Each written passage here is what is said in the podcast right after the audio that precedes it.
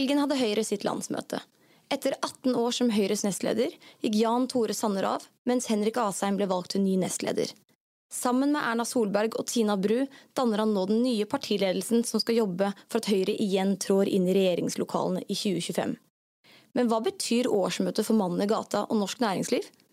Med meg i studio for å diskutere har jeg First House-partnerne Ole Berge, tidligere statssekretær for Siv Jensen, og Odd Hoen Sevje, tidligere rådgiver for Erna Solberg. Programleder for denne episoden er Anette Ringnes, rådgiver i First House. Velkommen til Firstcast. Eh, først og fremst, hva er de hovedinntrykkene dere sitter igjen med? Hva var det som egentlig skjedde? Jeg tenker Høyre er veldig godt fornøyd med landsmøtet sitt. Ja. Eh, de hadde Altså, de får vist fram uh, ny nestleder på en god måte. Jeg syns han hadde mange fine utspill. Uh, de er selvfølgelig kjempefornøyd med seg selv. Det går veldig godt på målingene. Alle går sikkert rundt i salen og snakker litt sånn om at ja, ja, nå savner folk Erna og uh, alt mulig sånn. det er et mellomvalgslandsmøte. det er jo ikke veldig viktig, egentlig. det er langt på vei en plattform for å vise frem partiet. Og med det som målestokk, eh, så syns jeg de lykkes veldig godt.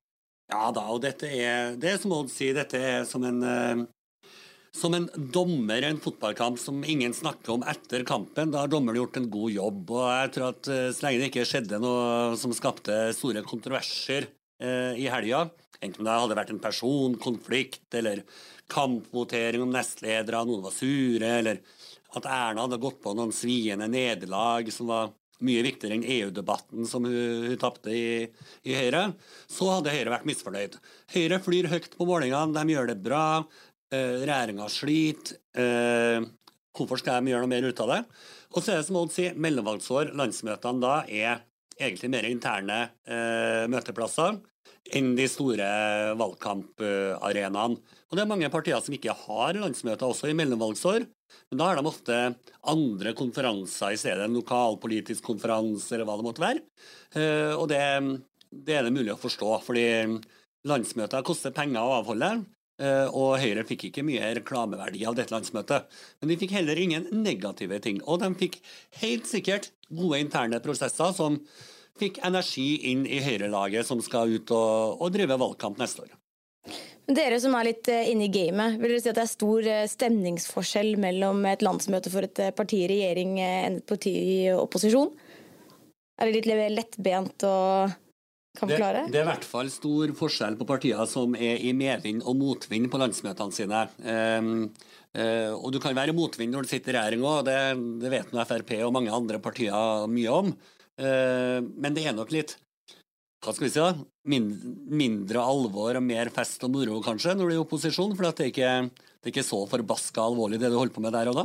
Ja, altså Det er ikke sånn at uh, statssekretærene på SMK uh, hele tiden sjekker hva redaksjonskomiteen til Høyre holder på med uh, når de sitter i opposisjon. Og det er helt sikkert redaksjons- og resolusjonskomiteen på Høyres landsmøte veldig glad for.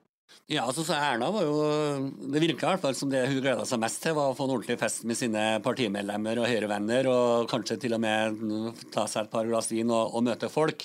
Og to år med pandemi har jo gjort at uh, politikere som er de aller fleste veldig sånn sosiale dyr, som liker å, å reise rundt i organisasjonen og møte hverandre og klappe hverandre på skuldra og si 'godt jobba, vi de, har de beste løsningene for Norge', at man får møtes fysisk igjen. Eh, det tror jeg er mange som eh, gleder seg til på Høyres landsmøte og de andre partiene senere i vår. Men i en sånn setting eh, som i helgen, tror du det var noe som helst Er det noe skadefryd over det regjeringen sliter med, eller er høyrefolka mest opptatt med sitt? Nei, altså man, Det er nok først og fremst at man er glad for sine egne tall. Altså Målingene de går godt. Men hva skal vi si det hvis du har skadefryd over dette, så, så er det pga. manglende klokskap, etter min mening. Fordi uansett hvem som sitter, hadde sittet i posisjon nå, så hadde de slitt. Altså Hvis Høyre hadde klart et tredje gjenvalg, og Erna fortsatt hadde vært statsminister, så hadde det vært hun og Høyre som hadde fått skylda for høye strømpriser, for høye bensinpriser og alt det eh, som regjeringa baler med. Eh, og så kan det jo hende da, at eh, Høyre hadde fått litt mer skal vi si, kriseoppslutning uh, enn hva den sittende regjeringen gjør. Det kan godt hende. Men det hadde jo ikke vært lett for noen, uansett hvem som sitter i regjering nå, i den situasjonen som er. Nei, men nå må du, nå må du klare å skille to ting, eh, Odd. Eh, det er selvfølgelig en alvorlig situasjon som gjør at alle politikere i Norge er mer opptatt av å håndtere den situasjonen som har oppstått i kjølvannet av Ukraina. Eh, men eh, ikke kom og prøv å fortelle meg at det er ingen på Høyres landsmøte som syns det er litt morsomt at Trygve Slagsvold Vedum gjør det dårlig på morgenen etter alle lovene han hadde oh, osv. Altså det, det er klart, nei, det, det, er forskjell på skadefryd. Også det å, det, å, det å glede seg litt over at man har gode tall. og Har man gode tall, så er det på bekostning av andre, og nå er det på bekostning av Senterpartiet, for å si det sånn. Det, definitivt. altså eh, Meningsmålinger er et nullsumspill. Altså, hvis noen går opp, så er det fordi noen andre går ned. Og, eh, altså, jeg holdt nesten på å si eh, jeg tok på en måte ikke Trygve helt med i ligningen. Eh, for det er ingen tvil om at det er veldig mange i Høyre som syns det er veldig fint å se eh, at en mann som de mener at drev reinspikka populisme og lovte altfor mye, Eh, nå straffes skikkelig hardt for det på målingene. Det er det ingen tvil om. Jeg, men kanskje det er litt forskjellen på oss i Høyre og dere i Frp, Ole. At jeg hadde litt mer fokus på eh, statsministerpartiet enn finansministerpartiet.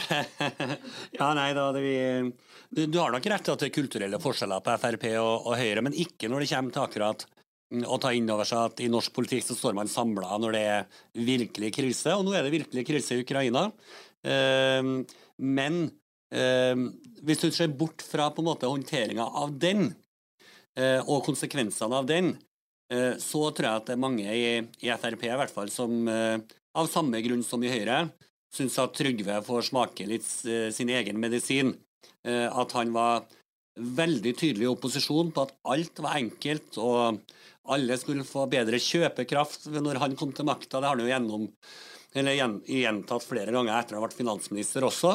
Og så ser folk høyere strømregninger, høyere bensin og diesel, høyere matvarepriser, renta skal opp. Så, så uh, man må skille mellom Altså, uh, Trygve gikk nok veldig høyt på banen i opposisjon, og han angrer seg nok noe på det nå. men ingen regjering ville ha kommet skadefri fra en situasjon som har oppstått, som ikke er dagens regjerings skyld, med alt som har skjedd. Men, men der lurer jeg på én ting. fordi altså, delvis en kall historisk forskjell eh, hvis vi går tilbake åtte år. Så Frp lovte også en del ganske hårete ting i forkant av 2013-valget. Eh, klassisk eksempel er garantien til Bård Hoksrud om at alle, bom, alle bomstasjonene skulle rives hvis de kom i posisjon. Eh, Frp ble jo ikke straffa noe i nærheten like hardt på målingene som Senterpartiet blir nå, på eh, sammenlignbart tidspunkt. Men så kan man jo snakke litt om lærdommen av det som skjer med Senterpartiet nå. Fordi det ville jo vært fristende å si at Frp har vel etter hvert begynt å bli litt flinke nå også til å love ting som kan være ganske vanskelig å holde hvis de skulle komme tilbake i posisjon? Ja, altså Frp har uh, eh, hoppa rett inn i opposisjonsrollen og, og, har fått et nytt parti med tyngde på Stortinget i Rødt, som på en måte er på motsatt enden av skalaen, men som også lover veldig mye. Uh, og det, det, det, som er interessant med dette, er jo på en måte dynamikken på borgerlig side fram mot uh, for så vidt 2023, men mest 2025. altså hva betyr FrPs Eh, lederskifte, på en måte eh, reinkarnasjon som opposisjonsparti, eh, med Høyres utvikling hvor man kanskje på enkelte områder beveger seg bort fra Frp. Og KrF og Venstre mot sperregrensa. Hvordan skal de synliggjøre sin, sin partiprofil for å skaffe til veie først og fremst et borgerlig flertall i 2025, men også hvordan skal man forvalte et flertall i 2025 hvis de fire borgerlige partiene eh, får stadig større avstand seg imellom eh, i opposisjon? Så, så, dette er jo noe som kanskje da Høyre som det klart største eh, borgerlige partiet, med statsminister Erna Solberg-kandidatur i 2025, hvordan Høyre skal håndtere dette. Fordi Frp har ingen lyst til å gå inn i regjering med KrF og Venstre igjen. De vil bare inn med Høyre. Og jeg tipper at KrF og Venstre også kan se for seg et alternativ uten Frp som sitt primærønske. Så, sånn sett så er det jo ikke helt ulikt 2013 og 2017 sånn sett, men det er en vesentlig forskjell. Og det at man har åtte år med borgerlig flertallserfaring bak seg, på godt og vondt for de ulike partiene, som kan gjøre det enten enklere eller vanskeligere å finne sammen på nytt. Og der har jo Høyre på en måte hovednøkkelen eller hovedvalget i hvordan de skal samle en ny borgerlig regjering. Eh, og det er jo eh, lite å spore fra det på helgas landsmøte, for det er såpass langt fram i tid. Men jeg tipper jo at dette er noe som Erna og hennes mannskap nå tenker litt på når de skal legge strategiene sine. Altså, det, Høyres historiske erfaring er det at de må være en brobygger på borgerlig side. Fordi hvis du går tilbake til altså fra og med skal vi si, nesten Syse-regjeringen falt i 91, eh, så var det jo gjennom store deler av 90-tallet borgerlig flertall, i hvert fall hvis du teller med Senterpartiet. Eh, men du hadde fortsatt en Ap-regjering. Fordi borgerlig side klarte ikke å stable på beina et regjeringsalternativ. Dette er jo største frykten til Høyre skal skje igjen. Nettopp. Ikke sant? Uh, og men så mener nok partiet selv at med rette, kanskje, at man fant jo en ganske god løsning på det i 2013. Eh, altså inn mot 2013, som var å si at vi vil samarbeide med alle og utelukker ingen. Og så må vi ta den diskusjonen etter valget. Det var på en måte, Man gjorde det litt enkelt for seg selv på overordna nivå. Uh, og så Samtidig så var det veldig målretta arbeid i å bygge broer på Stortinget, prøve å få til felles utspill mellom partiene og sånn. Sånn at borgerlig side var i det minste enige om én ting. Og det var det at et regjeringsskifte, nei, altså et borgerlig flertall, det skulle gi en borgerlig regjering. Hvis borgerlig side klarer å enes om det i 2025, så er jo det hinderet overvunnet. Men det som altså det som langt på vei er en av store, et av de store problemene til Høyre nå for tiden, selv om veldig lenge igjen til valget i 2025, det skal vi jo si. Men med mindre KrF på et eller annet tidspunkt begynner å vokse på målingene, og med mindre Venstre begynner å få en mye lengre avstand ned til sperregrensa enn det de har i dag, så kan, jo, så kan man ende i en situasjon hvor Høyre kan gjøre et veldig godt valg, Frp kan gjøre et ganske så godt valg, og så blir det likevel ikke noe borgerlig flertall. Uh, og da er det jo, hva skal jeg si, da hjelper det jo ikke så mye å gjøre det veldig godt på målingene for et parti som tar seg som mål å få statsministeren igjen, eh, hvis samarbeidspartnerne eh, ikke klarer det. Så det blir også interessant å, se litt på hvordan, hvordan skal Høyre bidra til at også de samarbeidspartiene eh, får løfta seg på målingene. For det, der har de en liten jobb å gjøre. Men, men hvis du forfølger det scenarioet da at det er ikke borgerlig flertall i 2025, men Høyre gjør et godt valg, Frp gjør et brukbart valg, og dagens regjering får redusert sitt parlamentariske grunnlag i Stortinget. Etter 2025 så er det kanskje ikke nok med flertall mellom Senterpartiet, Arbeiderpartiet og SV. De må ha med seg Rødt og eller MDG. Er det i et sånt scenario noen i Høyre som drømmer om at Senterpartiet skal skifte og bli et borgerlig parti igjen? For det er det jo ganske mange i Frp som drømmer om. Heller ha med Senterpartiet enn KrF og Venstre, er det mange i Frp som sier. Det er, det er mange i Høyre som tenker den tanken, men hvor mange som tenker den skal vi si, litt høyt oppe i partisystemet, er jeg mer usikker på. Uh, og Det handler jo delvis om den politiske utviklingen Senterpartiet har hatt de siste årene. Eh, og så handler det nok delvis også om kall det en historisk realitet, som er det at Senterpartiet har jo skifta altså Når de har skifta side i politikken, altså når de skifta fra borgerlig side til rød-grønn side, så var ikke det en prosess som gikk over natta. Eh, det tok dem jo ganske mange år å komme dit. Eh, og du hadde intermessoet med Bondevik I-regjeringa bl.a. så hva skal vi si, Jeg tror det avhenger veldig av hva, hva skjer i Senterpartiet ganske umiddelbart etter et eventuelt valgnederlag i 2025, som gir den sitten du sier nå. Altså Partiet får veldig mye lavere oppslutning enn i dag, men det er fortsatt et slags rød-grønt flertall.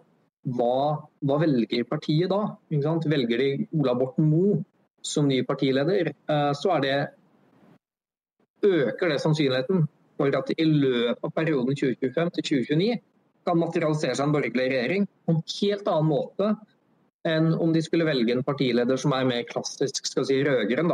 Ta Anne Beate Tvinnereim, den andre nestlederen. Men så når det kommer til eh, politiske saker, var det noen store overraskelser, eller var egentlig alt litt som forventet? Jeg, jeg syns dette var eh, veldig som forventa landsmøte, absolutt. Um, partiledelsen gikk på et par nederlag som den kan leve godt med, fordi det handla mer om å, debatter og initiativ til deltakelse i og sånne ting. Uh, ingen materielt uh, store saker å snakke om, egentlig. Nei, Jeg, jeg oppfatta dette som på en måte smooth sailing, forventa debatter på kjerneområder for Høyre. Energipolitikken fikk mye plass. Eh, ikke, ikke rart gitt eh, den situasjonen eh, Norge og Europa står i. Det blir spennende å følge energidebatten generelt i Norge og Europa framover. Alle er enige om at man gjør seg mindre avhengig av russisk gass. Hvordan man skal gjøre det, er man ikke like enige om. Så det blir, det blir en av våren og, og årets store debatter i Norge, tror jeg. Tusen takk. Vi lar det bli siste ord. Høyre var første parti ute med landsmøte, og vi i First House kommer til å komme med en ny episode etter hvert landsmøte. Neste parti som har landsmøte, er Fremskrittspartiet. Hvis du likte det du hørte, så kan du følge podkasten på Spotify, Apple Podcast, Google Podcast eller din alternative foretrukne lytteplattform. Vi i Firstcast ønsker deg en riktig god uke.